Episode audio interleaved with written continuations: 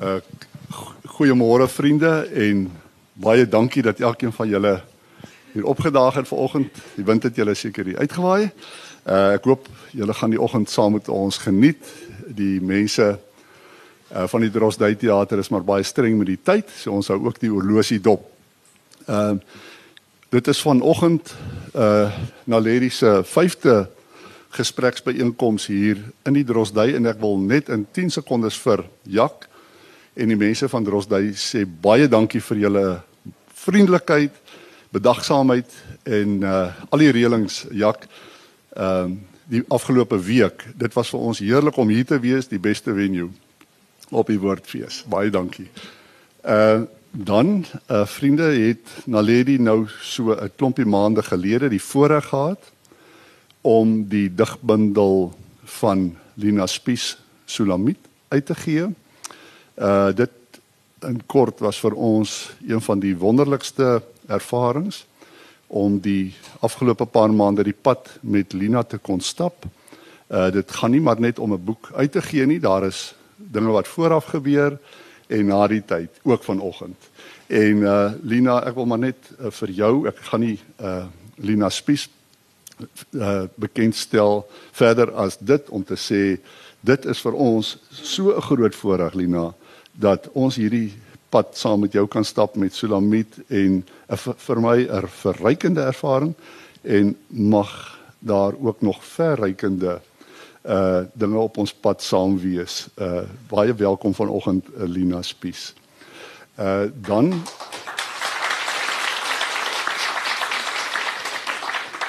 Dankie. Dan ehm uh, praat is uh prof Andrius Visasie uh, verbonde hier aan die univers uh universiteit uh die departement Afrikaans Nederlands. Daar's 'n bietjie ander uh woorde daarvoor Andrius, maar jy kan maar self regstel. Uh baie welkom ook aan jou. Andrius is ook die redakteur van die ehm um, uh tydskrif vir uh, letterkunde. 'n resensieblad, ja. Resensieblad. Ja. Dit is reg so Andrius. Baie welkom ook aan jou en mag julle twee vir ons vergas hier vanoggend met 'n uh, lekker interessante gesels. Ek dink nie is my mikrofoon aan. Hy is nie. Ja, Hou net gereeld naby julle Nee, nee, monde dan sit reg. weet want ek het jare lank klas gehou, nie te naby nie. Ja. ja. Ina, ek sien baie uit na ons gesprek vandag. Uh jy's nie net 'n geliefde digter nie, jy's ook 'n gerekende literator. En ek is ook vers, verstom toe ek uh, op op pad hierheen na die uh Drostdy teater gestap het dat jou digterskap eintlik al oor amper 50 jaar strek, né? Lank. Jy het gedebuteer in 1971 en jy sorg dat ons met gereelde tussenposes nog steeds 'n uh, 'n pragtige bundel soos hierdie uh kan lees. Sulamit wat jy ook uh buite die teater kan koop vir R175 is die jongste publikasie uit uh, uit die pen maar Lina sê sy skryf ook nie meer met 'n pen nie so dis eintlik 'n uh, nie 'n korrekte manier om te uh, daardie begrip meer te gebruik nie. Uh maar in ieder geval uh die bundel is hier te koop. Lees dit en uh geniet dit saam met ons. Ek wil in die met die deur in die huis val Lina en ek gaan nie 'n vraag stel oor uh jou hekel aan 'n uh, die woord tannie nie. Daar was genoeg gegons in die media die afgelope tyd. Miskien as ons gesprek later uitrafel kan ons daarop terugkom. Maar ek wil uh ingaan op die titel van jou uh bundel Sulamit. Uh en ek wil jou vra om vir die gehoor 'n uh, 'n blik te gee op die aard van jou gedigte deur miskien die titelgedig Belydenis van 'n Sulamit voor te lees en vir ons kortliks uh in te lig oor die die Sulamitiese vrou in die Bybelboek Hooglied waarna die titel verwys. En ehm um, dan uh in te gaan waarom jy dink dat hierdie uh titel wel uh dinge mooi saambring om jou bundel geheel te beskryf. Baie dankie Andries, dit is 'n voor die hand liggende eerste vraag. Uh wil jy ek dink jy wil hê ek moet eers iets daaroor sê en dan lees, nie of Ja. ander ja. Ja. Uh nou ek het sy toestemming gevra om te sê dat hy my en hy eintlik vir my die titel gesuggereer het. Ek het 'n titel gehad wat mense nie baie van gehou het nie en wat ek ook al hoe minder van gehou het. En toe ander en toe sê ek vir Andries wat gaan ek dit noem? Toe sê hy Sulamit En uh, ek het wel dadelik geweet dit is presies in die kol. Nou Salamiet is oënskynlik, daarom nie net oënskynlik nie. Dit is inderdaad 'n liefdesgedig en dit speel uh, in op hooglied. Maar uh, die uh, hooglied is uh, geskryf waarskynlik deur 'n vrou, 'n verligte teoloog sê dit, maar ons weet nie wie sy was nie. En uh die uh, hooglied het niks te doen met Jesus se verhouding tot die kerk of met die rabbi se verhouding tot die volk Israel nie. Dis 'n suiwer erotiese gedig, maar nie heeltemal net 'n erotiese gedig nie. Ek kom daarop terug, maar in die gedig Selemiet uh het ek dan die liefdesgedig gesuggereer met uh, verwysing bo aan die gedig na Hooglied. Ek sal nou nou kyk hoeveel. Een vers wat waarin daar staan laat hy my kus met kusse van sy mond. Nou uh uh mense vriende, ek dink nie ek was so formeel dames en here sien nie. As daar een ding is waar aan ek 'n grondige hakel uh, hekel het, is dit dat Afrikaners mekaar op die mond soen. En uh ek het dit in Holland die 2 jaar wat ek daar is blitsvinnig afgeleer. En ek wou dit nooit weer aanleer nie. En ek kry dit nou reg om dit nie meer te doen nie en ek kom onder jong mense agter dat hulle dit ook nie meer doen nie. En eintlik is die gedig dan ook 'n soort versetsgedig teen hierdie ding. Want ek het baie gelees oor die belangrikheid van aanraking. En ek is 'n mens wat baie maklik ander mense aanraak. Ek is baie maklik vir my, my arm om iemand te slaan. Maar Ons Puriteinse Calviniste doen dit nie. Ons soen met ons mond en ons lippe styf op mekaar gehou. Sodat dit tog net nie eroties word nie. Met ander woorde, die erotiek ehm, beteken vir my nou as ek ernstig, die mondsoen hoort vir my binne die erotiek. En ek het eintlik van my gedig 'n soort betoog gemaak om te sê laat ons tog aan mekaar raak en ek dink dit is genoeg ek sal die gedig nou vir u lees. Die teksvers is inderdaad ehm um, uh hooglied 1 vers 2. Oek, dis moeilik hierdie bindel uh maak moeilik oop. In 'n suidelike land van son waarin die vertederende aanraking hoort, dwaal ek deur my eensaamhede tussen my puriteinse volksgenote wat mekaar te pas en te onpas soen groet. En met geslote lippe en liggame op veilige afstand van mekaar. En ek erken die kil ritueel vir wat dit is. 'n Parodie op die soen wat net minnaars beskore is. Want toe ek koud was tot op my been, het my sielsbeminde my teen hom vasgehou. Daarom is ek op soek na hom, na wie my nefesh verlang, dat as ek hom vind, hy my kan soen met soene van sy mond. Daar sê. Uh, ek wil seker weet van nefesh, uh, dit is die Hebreëse woord wat onvertaalbaar is in Afrikaans, dit, want die Ou Testament erken nie 'n siel nie, maar ons vertaal dit dan tog maar as siel, waarna my siel verlang. Lina, ons is met hierdie gedig ook uh um, uh, by die Ou Testament natuurlik en uh en en ook by die Joodse ervaringswêreld. Uh en die gegewe van die Sulamiet kom dan ook terug uh in in 'n baie mooi vertaling wat jy gedoen het van 'n uh, bekende gedig van die Joods-Duitse digter Paul Celan.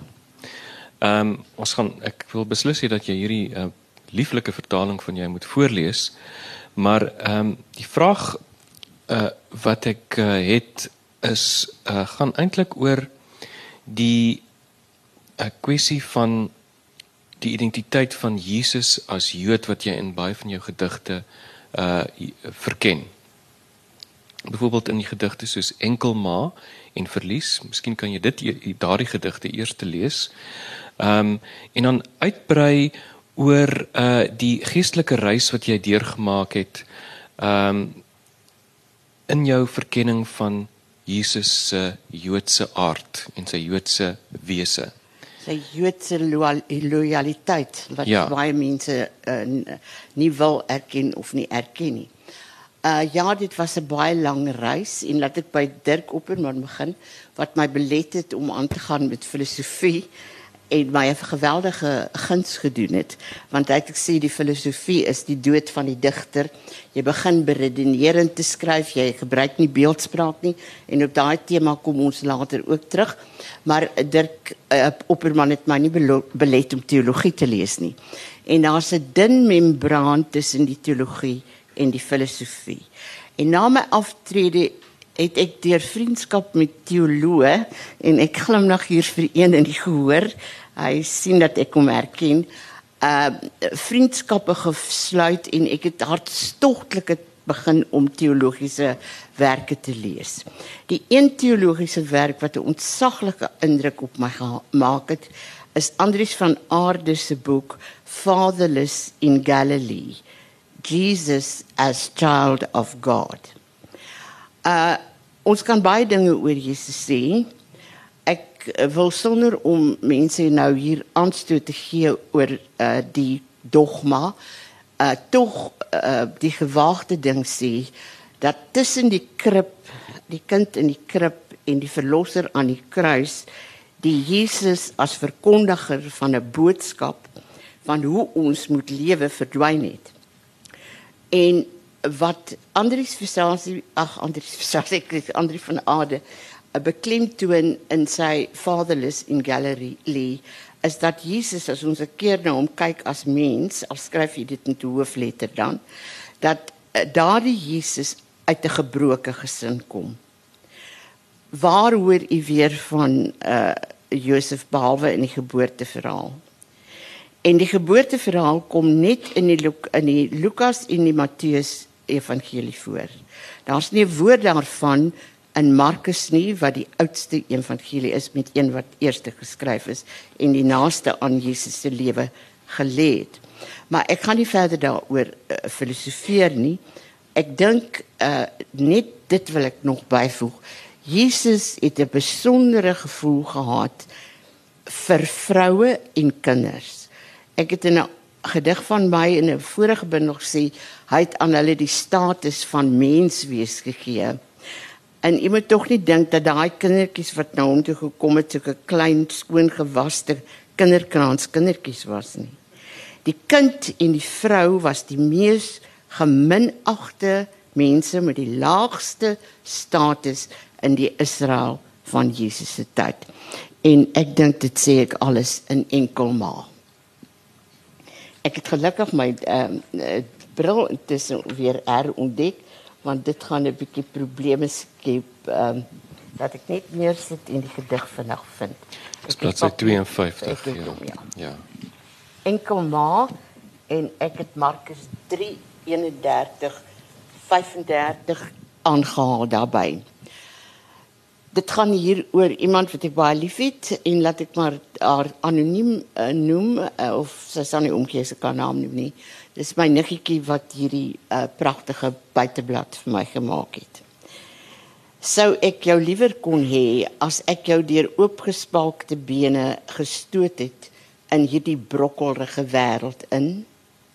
En wat weet ek van jou pyn wat net moeders ken as vaders verdwyn soos Josef na die sprokie van sy geboorte uit die lewe van sy seun?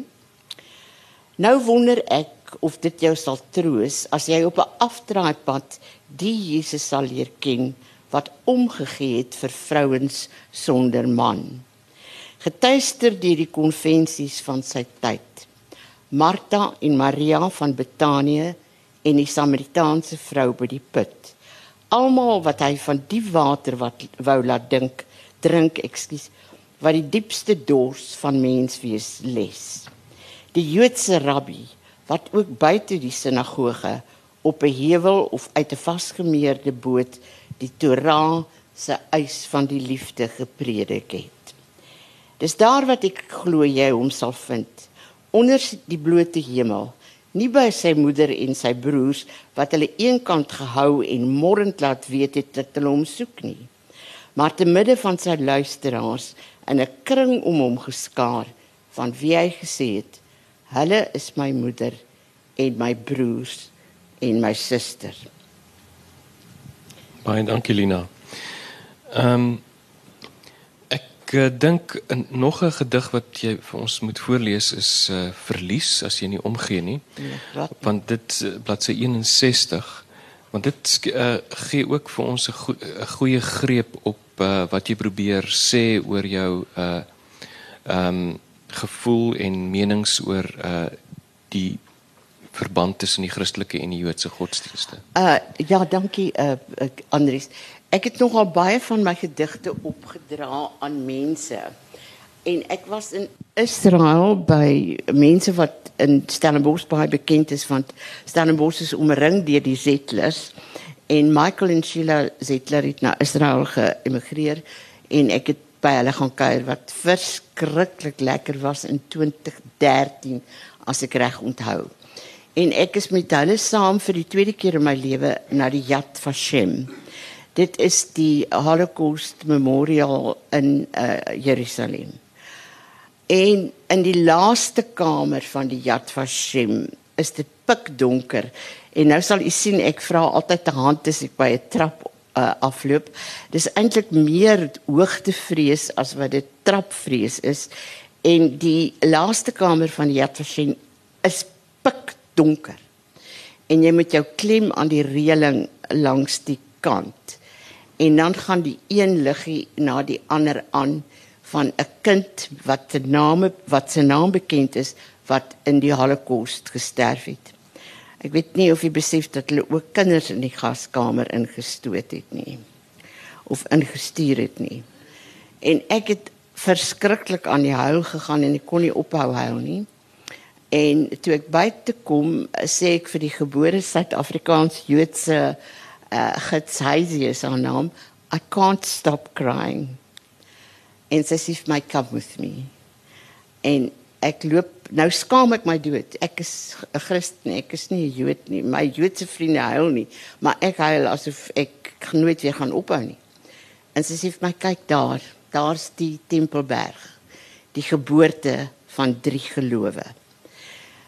Die Islam, die Judaïsme en die Christendom. En daarmee het sy eintlik vir my sê, weet jy, dis oukei okay dat jy huil. Jy mag as 'n Christen ook huil. Dis sonder ek is verskriklik teleurgesteld geweest dat uh, die gedig by kritisie verbygegaan het totdat Andries gelukkig dit raak gelees het. Uh nou moet ek eers weer my bril opsit wat ek nie deur kan sien nie maar wat ek ongelukkig die skrif nie ordentlik kan lees nie. Sonder skuifelend in die stik donker laat ek weer begin skuifelend in die stikdonker van die laaste kamer van die Yad Vashem, klem ek my aan die reëling langs die muur terwyl aan die koepel een na die ander liggie aanslaan by elke opklinkende naam wat agterhaal kan word vir die kind en kleuter wat nie anoniem gesterf het in die helkampe van die nasies nie. Die trane wat ek nie kan keer nie loop af langs die bolwange van my eerstydse kinderkraansgesiggie wat met eens 'n ariese aanskyn kry. Laat ons skyn vir Jesus met 'n helder glans, skitter soos die sterre aan die hemeltrans. Dit was mense opgevoed in die leer van die Jesus wat die moordenaars van kinders was. Buite onder 'n son wat blake uitsig op die Tempelberg. Kyk, sê die gids, die geboorteplek van drie gelowe. Dis 'n troos, 'n erkenning van die oorsprong waarby ek hoort en van die reg om te mag huil, maar ek weet die Joodse rabbi na wie ek soek is nie te vind in die moskee, die sinagoge of die kerk nie. By 'n kruispad het ons hom kwyt dink dis 'n baie belangrike gedig in jou oeuvre. Dankie Lina. Dit ontroer my baie diep dat u daarvoor hande klap. Ek wil nie my gedig interpreteer nie, maar die kruispad is die uh onuitgesproke gedagte dat ons net met die verlosser aan die kruis besig is. Ek luister baie keer na die aandgedagte. Hulle kan 'n teks uit die Ou Testament vat maar ons eindig by die kruis. Uh Lina, jy uh jou jou religieuse verse is vir my op die oomblik baie sterk en is vir, vir my die eintlik die, die interessantste aspek van jou werk die afgelope dekade en selfs meer. Uh juis omdat jy uh, met so kritiese ingesteldheid en met 'n uh, uh, ek wil amper sê obsessiewe drif uh terugdelf in die wortels van die Christelike geloof. Ehm um, nou ek wonder soms of die klimaat in die letter letterkunde Afrikaanse letterkunde altyd so vriendelik is of vriendelik genoeg is vir die ontvangs van van religieuse poësie. Vind jy ook dat daar struikelblokke in jou pad is vir die aanvaarding en die erkenning van van jou religieuse poësie. En wie is jou wie is die lesers wat wel aanklank vind by jou uh religieuse verse? Daar is uh lesers wat aanklank vind, maar daarom was die applous vir my so belangrik. Al die resensente vir my die religieuse gedigte, hulle gooi so 'n wye draai daaromheen. Ja. Of hulle verstaan dit nie of hulle wil dit nie sien nie. Maar ek was nie hierdie afgelope maandag nie, maar ek dink ek raak die mekaar met die tyd partykeer. Die vorige maandag in 'n toestand van totale ekstase en die eer, eerste mens wat ek gebel het was uh, meneer Kutsie Johan Kutsie wat 'n wonderlike uitgewer is te loops. 'n teoloog het agtergekom wat ek sê. En uh, my vriend uh, by die Universiteit van Pretoria uh, Alfonso Groenewald het vir my e-pos gestuur en dit het net gelyk Lina lees onder toe. Jy gaan baie bly wees. En die groot versigtiging in my hart gaan iemand my religieuse gedigte verstaan. Gaan daar nie 'n sensitiewe literator kom nie. Jy het nou gekom, maar ek het ook gedink en gaan daar nie 'n teoloog kom wat my verstaan nie. En Christo Lombard het niks te doen met Christo Lombard hier van die Kaap nie. Hy verstaan dit en ek was verbuisterd en ek gaan in Berlyn in September en jy moet vir u kan voorstel hoe ek wat eh, nou uh, glad nie uh, die ervaring het maar laat my religieuse gedigte aanklank vind nie hoe ek voel daaroor dat op 'n internasionale kongres hy oor hierdie bundel gaan praat. En hy snap presies waaroor dit gaan want natuurlik uh, vriende en luisteraars is hooglied het hy ook 'n religieuse betekenis. Is hy tog wel meer as net 'n liefdesgedig? Die sondeval, ek hou nie daarvan om dan van te praat nie, maar dit word nou so genoem. Die uh die val van die mens, kom ons sê dit maar so, die sonde van die mens in die paradys wat hom daar uitlaat dryf het, wat God hom daar daarom uitgedryf het. Daai tuin het misluk. Maar die tuin word herstel in Hooglied. Behalwe vir die uitsprake van liefde en bewondering wederzijds van die twee bemindes die man en die vrou is dit vol van uh, natuur. Ek het afgeloop na die granaattuin want kyk die winter is verby en die reentyd is oor en die tortel laat sy stem hoor in die land. Die hele hooglied is 'n herstel van die val in Genesis 1 En dit het ek nie self geweet nie.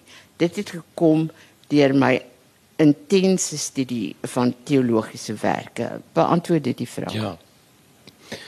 Ehm as ons nog vir 'n oomblik kan bly by jou religieuse poësie. Ehm en ook die kwessie van die Sulamit in jou uh, in jou in jou bundel. Uh wat eintlik baie die, baie diverse bundel is. Dis nie dis nie net religieuse poësie nie. Wil ek tog uh, vir jou vra uh, om die vertaling van Paul Celan se gedig Todesfuge te lees want ook daarin uh, figureer die die, die Sulamit en die gedig uh, is eintlik 'n mooi skakel dink ek tussen uh, die ehm um, reis wat jy meegemaak het in jou eie geestelike lewe en ook in jou poësie en jou belangstelling in die in die Holocaust. Kan ek jou vra om die gedig uh miskien toe te lig en en dan kortliks dan Ja, te ek lees? praat baie uh, persoonlik en ek sê baie belangrike dinge wat ek nie op skrif gestel het nie. En ek is bly dat ek nou nie van 'n uh, papier af praat nie. Waar kom my betrokkenheid by die Holocaust vandaan? Ek dink ek moet dit. Ek, uh, ek het die dagboek van Anne Frank as 'n uh, vierde jaar oneerstudent gelees. En toe die gedig geskryf vir Anne Frank van Het Agterhuis. En ek gaan nie oor Anne en haar dagboek vanoggend praat nie. Uh maar uh dit was die eerste gedig van my wat Dirk Opperman by my gekom het en ek haal hom aan en al alle jare onthou ek dit nog letterlik. Die gedig is aards en pragtig het hy gesê.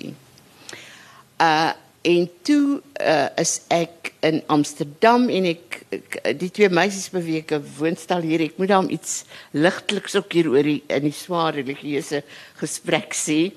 Die twee meisies in die woonstel met wie ek saamgebrei het, het 'n uh, risie gekry oor dieselfde man. En toe besluit ek uit hierdie huis moet ek uit. Maar my Nederlands was nie baie goed nie en ek het toe een van die twee meisies wat die naaste aan my was gesê, "Gerda, skryf vir my 'n brief." Want ek wou in Amsterdam Suid bly want dit is naby die konsertgebou en ons sal seker nog by die musiek in my poësie uitkom. En uh ek sien toe daar's 'n huis 'n uh, kamer geadverteer baie na aan waar ek in die Beethovenstraat gebly het, naamlik op Olympiaplein 113 3 oog.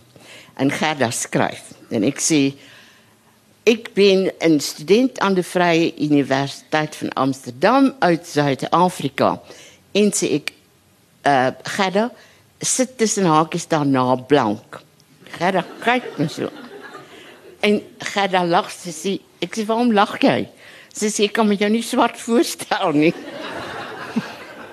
uh nou terug na die ernstige moment. Ek druk die klokkie in 'n vriendelike stem sê van die derde verdieping af. Snaaks genoeg ek het baie mak geword vir daai trappe.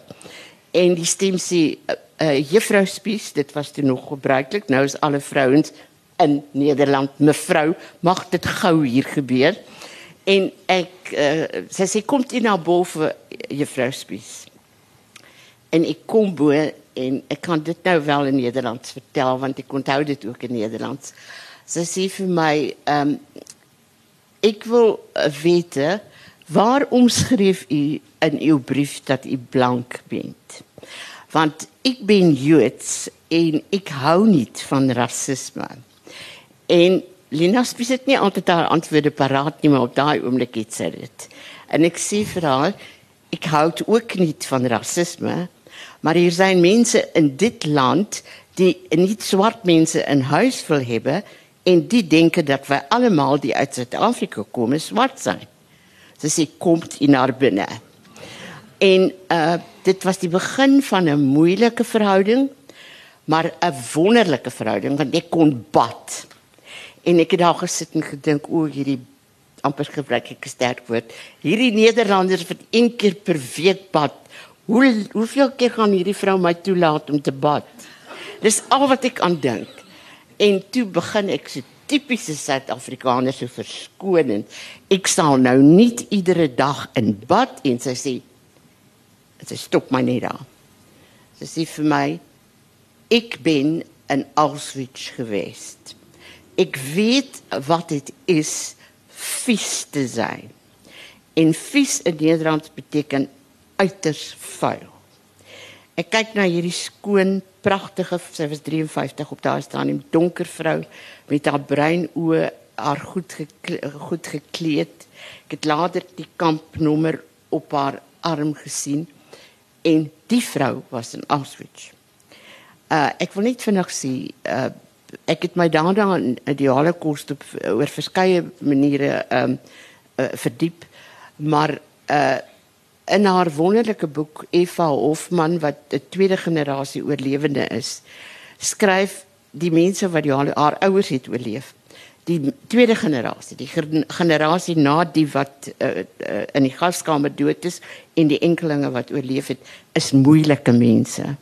En mevrou Hartogson was moeilik, maar omdat ek kon bad en omdat ek tog 'n diep liggende liefde vir haar ontwikkel het en sy vir my, het ek 18 maande sielsgelukkig by haar gebly. Paul se land uh, ek wil nie uitbrei nie. Sy grootste konflik was en ons kan net nou by Bruiten kom in die verband. Die grootste 'n konflik van sy lewe was dat sy moedertaal Duits was. Hy het sewe tale geken. Hy het in Roemenië groot geword, het Roemeens perfek gepraat, maar hy is Duits opgevoed. Uh deur 'n uh, moeder wat hartstogtelik was vir die Duitse letterkunde en Selan het gesê 'n digter kan net eerlik wees in sy eie taal. Ek sal vir u my uh, uh, uh vertaling van Doodsviga lees. Sal ja, ek wil dit nie analiseer nie, ek kan liever maar net luister. Donker melk van die daarraad. Ons drink dit saans, ons dink drink dit smiddags en smorens en soggens. Ons drink dit sag snags. Ons drink en ons drink. Ons grawe 'n graf in die lug. Daar lê jy nie vasgeklem. 'n Man woon in die huis. Hy speel met sy slange. Hy skryf. Hy skryf as die nag val na Duitsland. Jou goue hare, Margareta. Hy skryf dit en loop buitentoe en die sterre die blits. Hy fluit sy honde nader. Hy fluit na sy Jode. Laat ons graf spit in die grond. Hy beveel ons speel nou die uitnodiging tot die dans donker melk van die daarraad. Ons drink jou snags, ons drink jou smorens en smiddags en saans. Ons drink en ons drink. 'n Man woon, hy speel met sy slange. Hy skryf, hy skryf as die nag val na Duitsland. Jou goue hare Margarete, jou assige hare Selamit. Ons grawe 'n graf in die lug. Daar lê mens nie vasgeklem. Hy roep grawe dieper die aarde julle daar. Julle ander sing en speel. Hy gryp na sy ysere gordel, gordel. Hy swaai. Sy oë is blou. Spit dieper julle daar. Julle ander speel voort vir die dans. Donker melk van die daarraad. Ons drink jou snags, ons drink jou smiddags en smorens, ons drink jou saans. Ons drink en ons drink. 'n Man woon in die huis jou goldenes haar margarete. Jou ashenes haar silamit. Hy speel met sy slange. Hy speel die dood soeter. Die dood is 'n meester uit die uit Duitsland. Hy skree donkerder julle viole. Hy skree stryk donkerder julle viole. Dan styg jy die lig in soos rook en het jy 'n graf in die wolke. Daar lê mens nie vasgeklem donker melk van die daarraad. Ons drink jou snags, ons drink jou smiddags. Die dood is 'n meester uit Duitsland. Ons drink jou saans en smorens, ons drink en ons drink.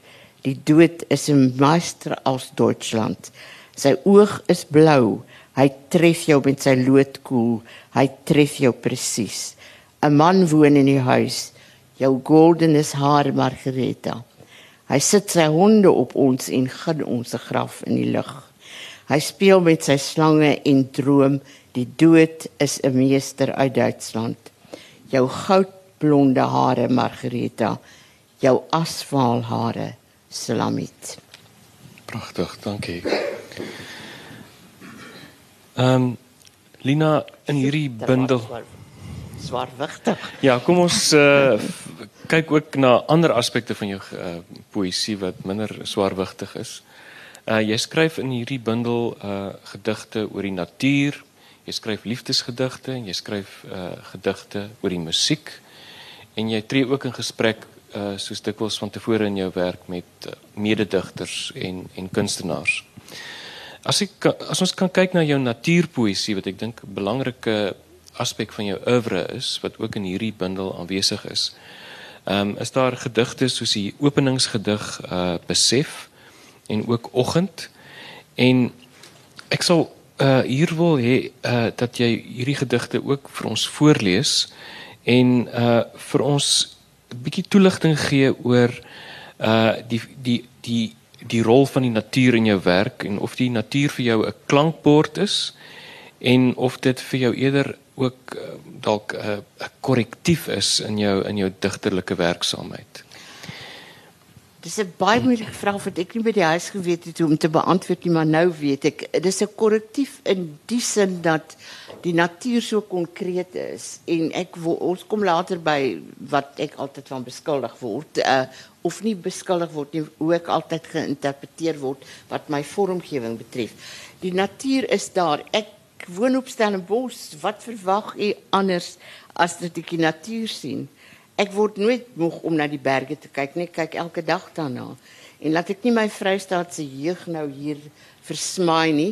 Ek het op die min mooi plekke in die Vrystaat, ekskuus, dis 'n grappie, grond geword, groot geword, naamlik Harrismith in die Oos-Vrystaat aan die voet van Platberg. En ek is omring deur uh uh die natuur. Ek is 'n hopelose tuinier te loops.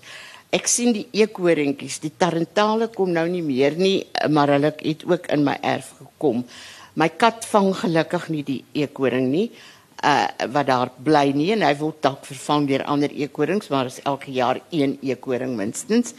En ehm uh, ja, die natuur is konkreet en niemand kan vir my sê byvoorbeeld ek moet anders oor die natuur skryf as om hierdie verbintenis te voel met die skoonheid en die konkrete aanwesigheid van skoonheid nie. Maar die natuur is natuurlik ook nie altyd vriendelik nie. Weet nie of u van die suidoos hou nie, maar die suidooste wind gaan vir ons onderste bo waai vandag.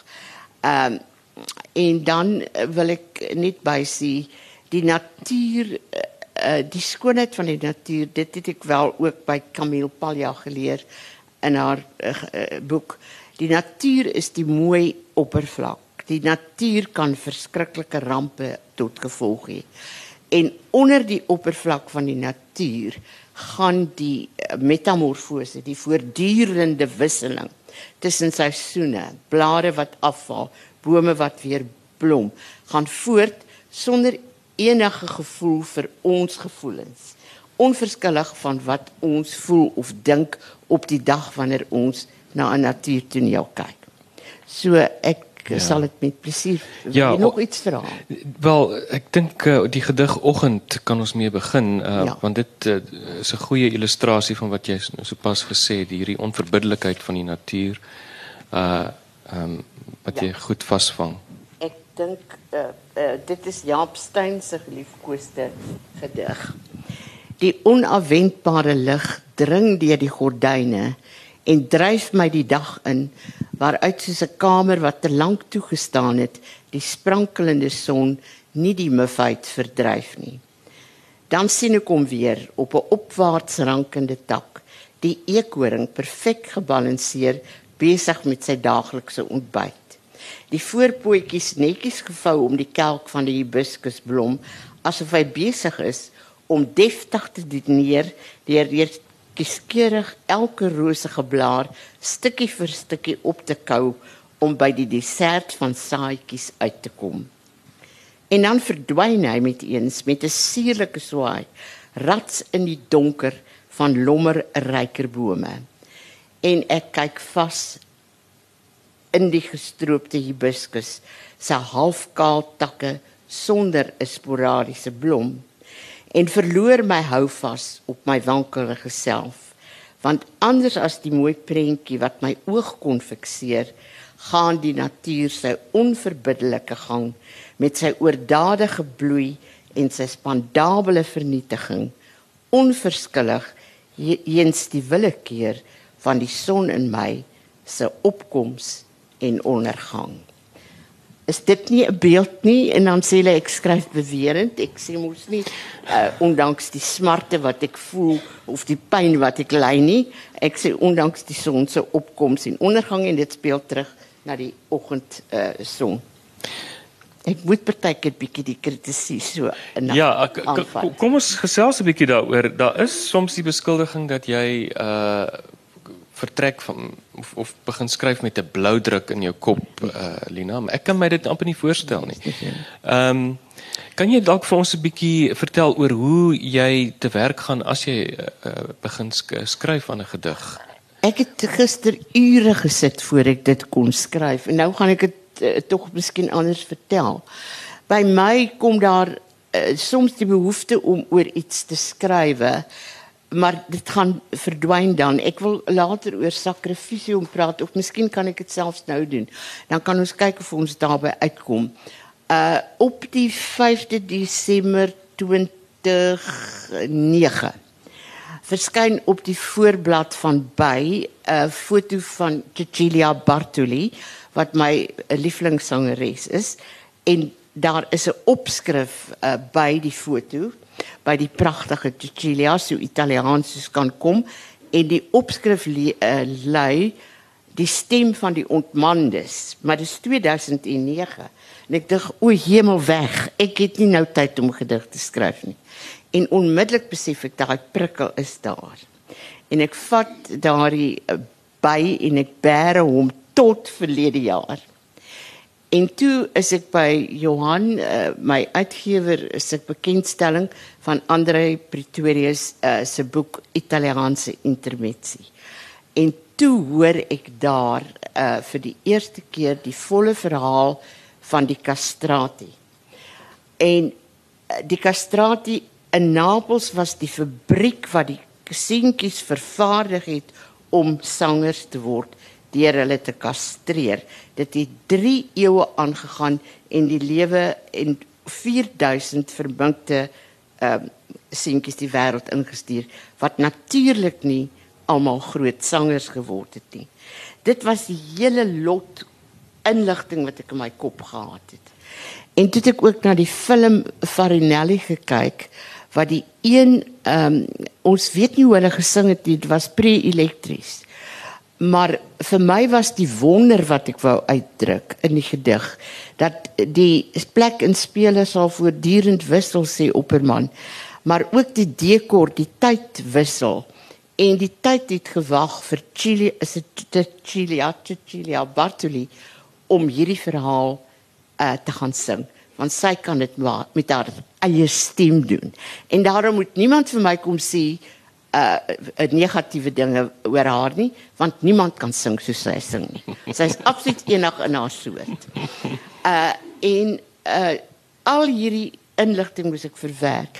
Maar weet jy Andrius, toe kan sit en ek skryf Vesuvius met die wolk op sy kruin. Toe kom die gedig. Die een reël na die ander roep mekaar op dit het begin by die visuele die uh, en dat hierdie wolk wat die sagtheid interpret uh, uh, verteenwoordig uh nie kon uh, daar was nie 'n uh, Moria nie. Daar was nie 'n God wat gesê het moenie jou hand aan hierdie kind slaan nie. En toe kon dit met die uh beeld van die sagtheid, die verwysing na Moria, uh die feit dat hierdie seentjies gekastreer is, kon ek die hele gedig skryf. Ehm um, ek wonder of ons tyd gaan hê om die gedig miskien uh, te hoor. Kom so, ons uh, kyk hoeveel tyd ons het. Uh, ja, anders ja. uh, Ek het ek, wel 'n vraag uh, oor Bruiten Bruitenberg. Nee, maar ons kan ons nog twee gedigte inkry.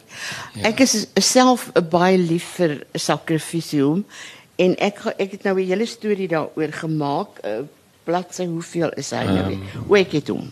Uh ek dis my eie geliefkoeste gedig oopmaak. Omdat ehm um, ek wil in verdediging van dat daar altyd gesê word uh dat ek so toeganklik skryf. Nou uh, uh ek skryf toeganklik. Ek uh, skryf ek wil hê my lesers moet verstaan wat ek skryf. Dis waar dat ek toeganklik skryf. Ek is trots daarop dat of nie trots daarop nie, dit is my aard liewer. Dis my digterlike aard dat ek toeganklik skryf. Maar en dit wil ek baie sterk beklim klemtoon, ek skryf nie direk nie. In my MA jaar het ek geskryf oor die bewerende en beeldende vers by Elisabeth Eybers en het ek uit EMW Tilliard se boek Poetry Direct and Oblique aangehaal. All poetry is more or less oblique. there is no direct poetry. En ek skryf ook nie direct poetry nie. Ek hoop jy sal dit kan hoor in Sacrificium. Ek is verskriklik lief vir hierdie gedig, ook omdat my hartstog vir die musiek en my ontsaglike liefde vir Cecilia uh, hierin tot uitdrukking kom. Vesuvius uh, sorry vir hierdie uh, die sorry kom uit my Nederlands hoor. Vesuvius met die wolk op die kruin van sy ingewoue geweld het nie vuur en swaal gespieg toe op die geheime altare aan sy voet offers gebring is wat die skone kuns soos God nie omgevra het nie. Om te sing sit in die Italiaanse siege en was in die bloed van seentjies wat onbewus ook die las gedra het van geslagtelikheid. Geen engel het betyds verskyn en gekeer slaan jou hand nie aan die kind. En uit Napels se droomfabrieke sou 3 eeue lank verminktes kom wat soos engele lyk en sing en sensueel en androgeen gehore tot beswymings toe verruk met ongehoorde salfos klank uit die mismaakte liggaam van 'n man. Die mensdom se geheue is kort en met verandering van dekor en verhoog wissel die tragedie van die menslike soort van geslag tot geslag. Die pauslike ban op die vrouestem is opgehef en net enkele name van die beroemdste castrati word onthou. Farinelli het met 'n fiktiewe verhaal die silwerdoek gehaal en gesing met die versnit stem van 'n sopran en 'n kontratenor. Toe het sy gekom en die sluimerende musiek uit die kluisters van verganklikheid gewek deur 'n sakrifisium te sing. Haar offer aan die bloed en pyn en sweet waaruit die skoonheid gebore is waarvoor die prys van menswaardigheid ook deur duisendes met betaal moes word vir wie sukses en roem nie beskore was nie. Net smaat en skeldname enig sater kapoen. Die goddelike bedoeling met die bose skending van 'n kind verwesenlik sy met haar instrument.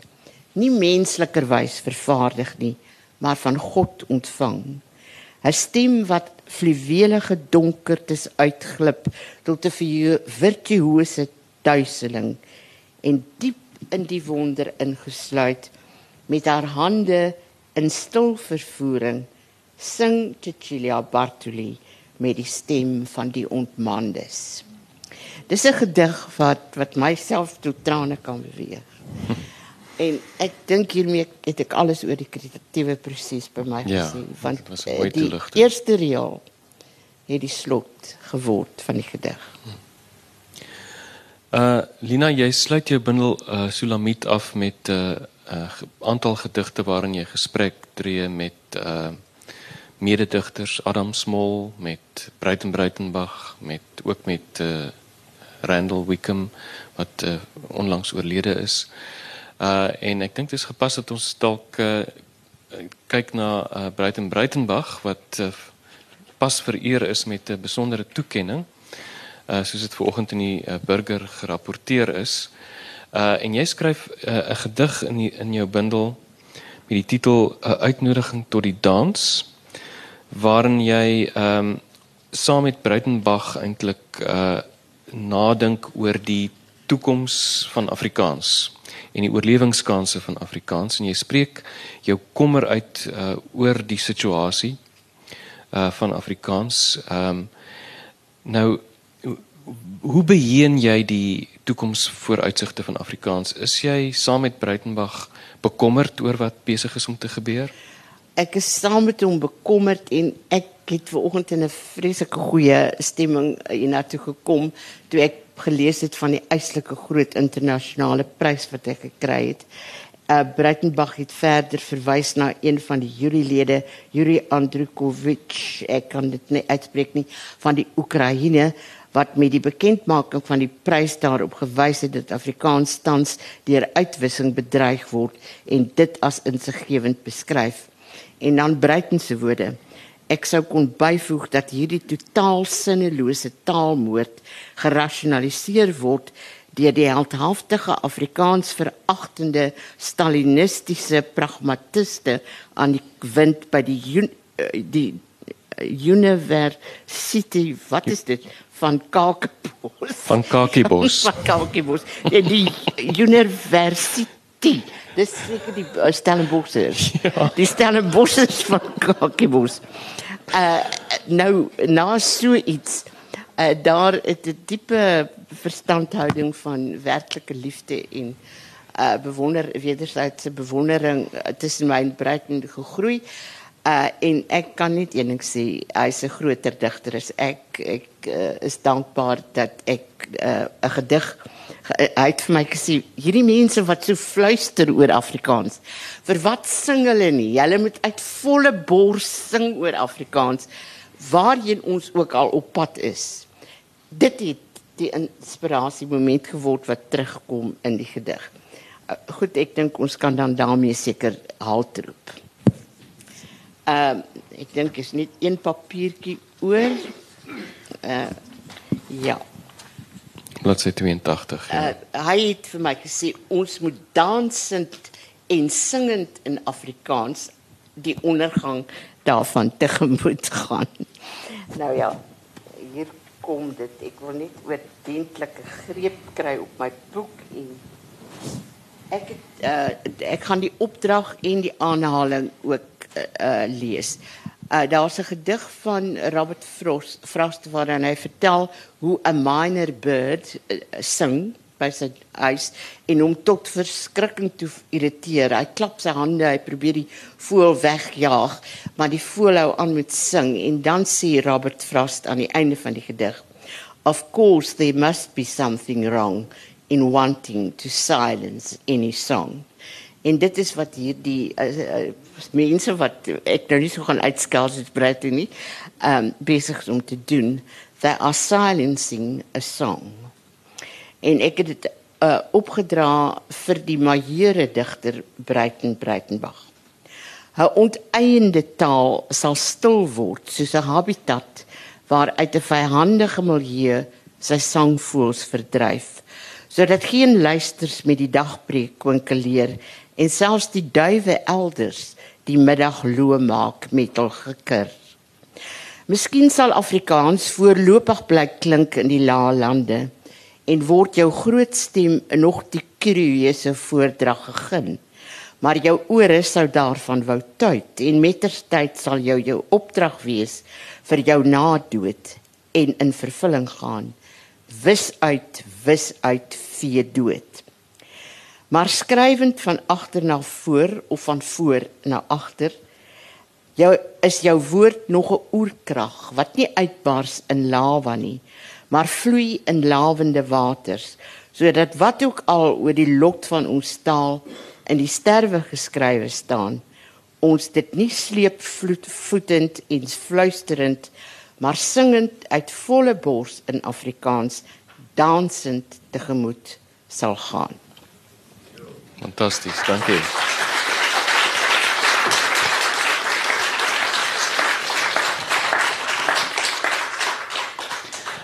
Ek dink ons het dalk tyd vir 'n vraag of twee die gehoor.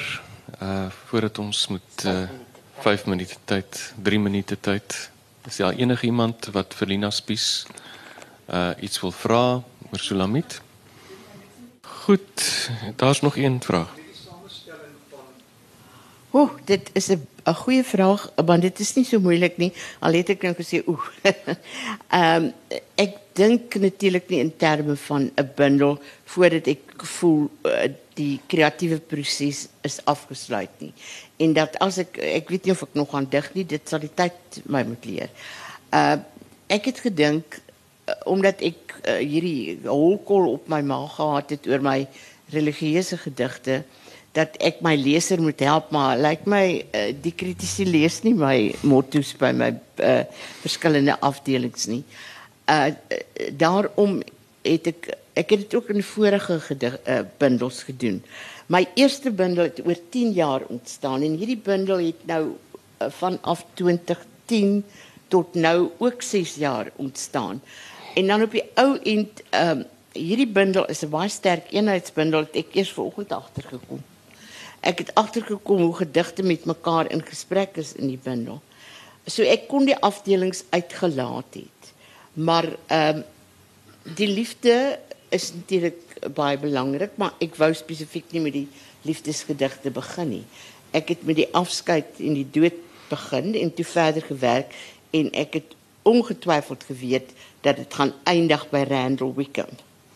Uh in die begrafnis van uh Randall wat eintlik 'n baie nie laat dan die verdriet was nie, maar natuurlik was daar verdriet. Maar na die tyd was ons net so net so vrolik soos wat net Bolanders kan wees. Net ons het teen koffie gedrink nie, maar ook wyn. En uh toe ek daar uitloop, uh, toe loop ek my vas in uh, meneer Kutse, Jan Johan Kutse. En ehm um, toe het ek vir hom gevra vir belangstellende digbundel, maar die storie van die indeling is dan ek het ook geweet dat die laaste gedig in die gedig 'n positiewe gedig is. Dit gaan oor Randall se broer wat opgestaan het, die blou gitaar gevat het en begin speel het. Dit, was vir my die afsluiting. Ek was duidelik oor die wat die begin moet wees dat die liefdesgedig nie ter nie die grootste aandag moet trek nie, alhoewel dit doen dit altyd. Uh en uh, die slotgedeelte was vir my dit moes eindig by uh die broer van Randall 31 jaar nie in Suid-Afrika gewees nie. Gryp sy gitaar, sing 'n lied, nie so mooi soos Randall kon sing nie, maar dis onbelangrik en stap die lig van 'n nuwe Suid-Afrika in. So dit is uh vir my uh, die uh, volmaakte slot gewees. Lina, ons moet ongelukkige einde maak aan ons gesprek. Baie dankie vir jou insiggewende kommentaar oor jou bundel en nogmaals geluk. En ons sien uit na jou volgende middel. Moenie oh. ophou skryf nie. dit dit sal die lewe voor moet sorg, maar ek wil ook baie dankie sê Andries, jy is 'n groot inspirasie in my lewe en 'n groot ondersteuning uh, steuner en ek is baie bly jy is na uh, jy was gelukkiger in Pretoria as ek, maar uh, ek het jubelend teruggekom. Jy het tog ook ek het ook met 'n bietjie hartseer weggegaan, maar ek is bly jy's terug op Stellenbosch en weer gelukkig hier.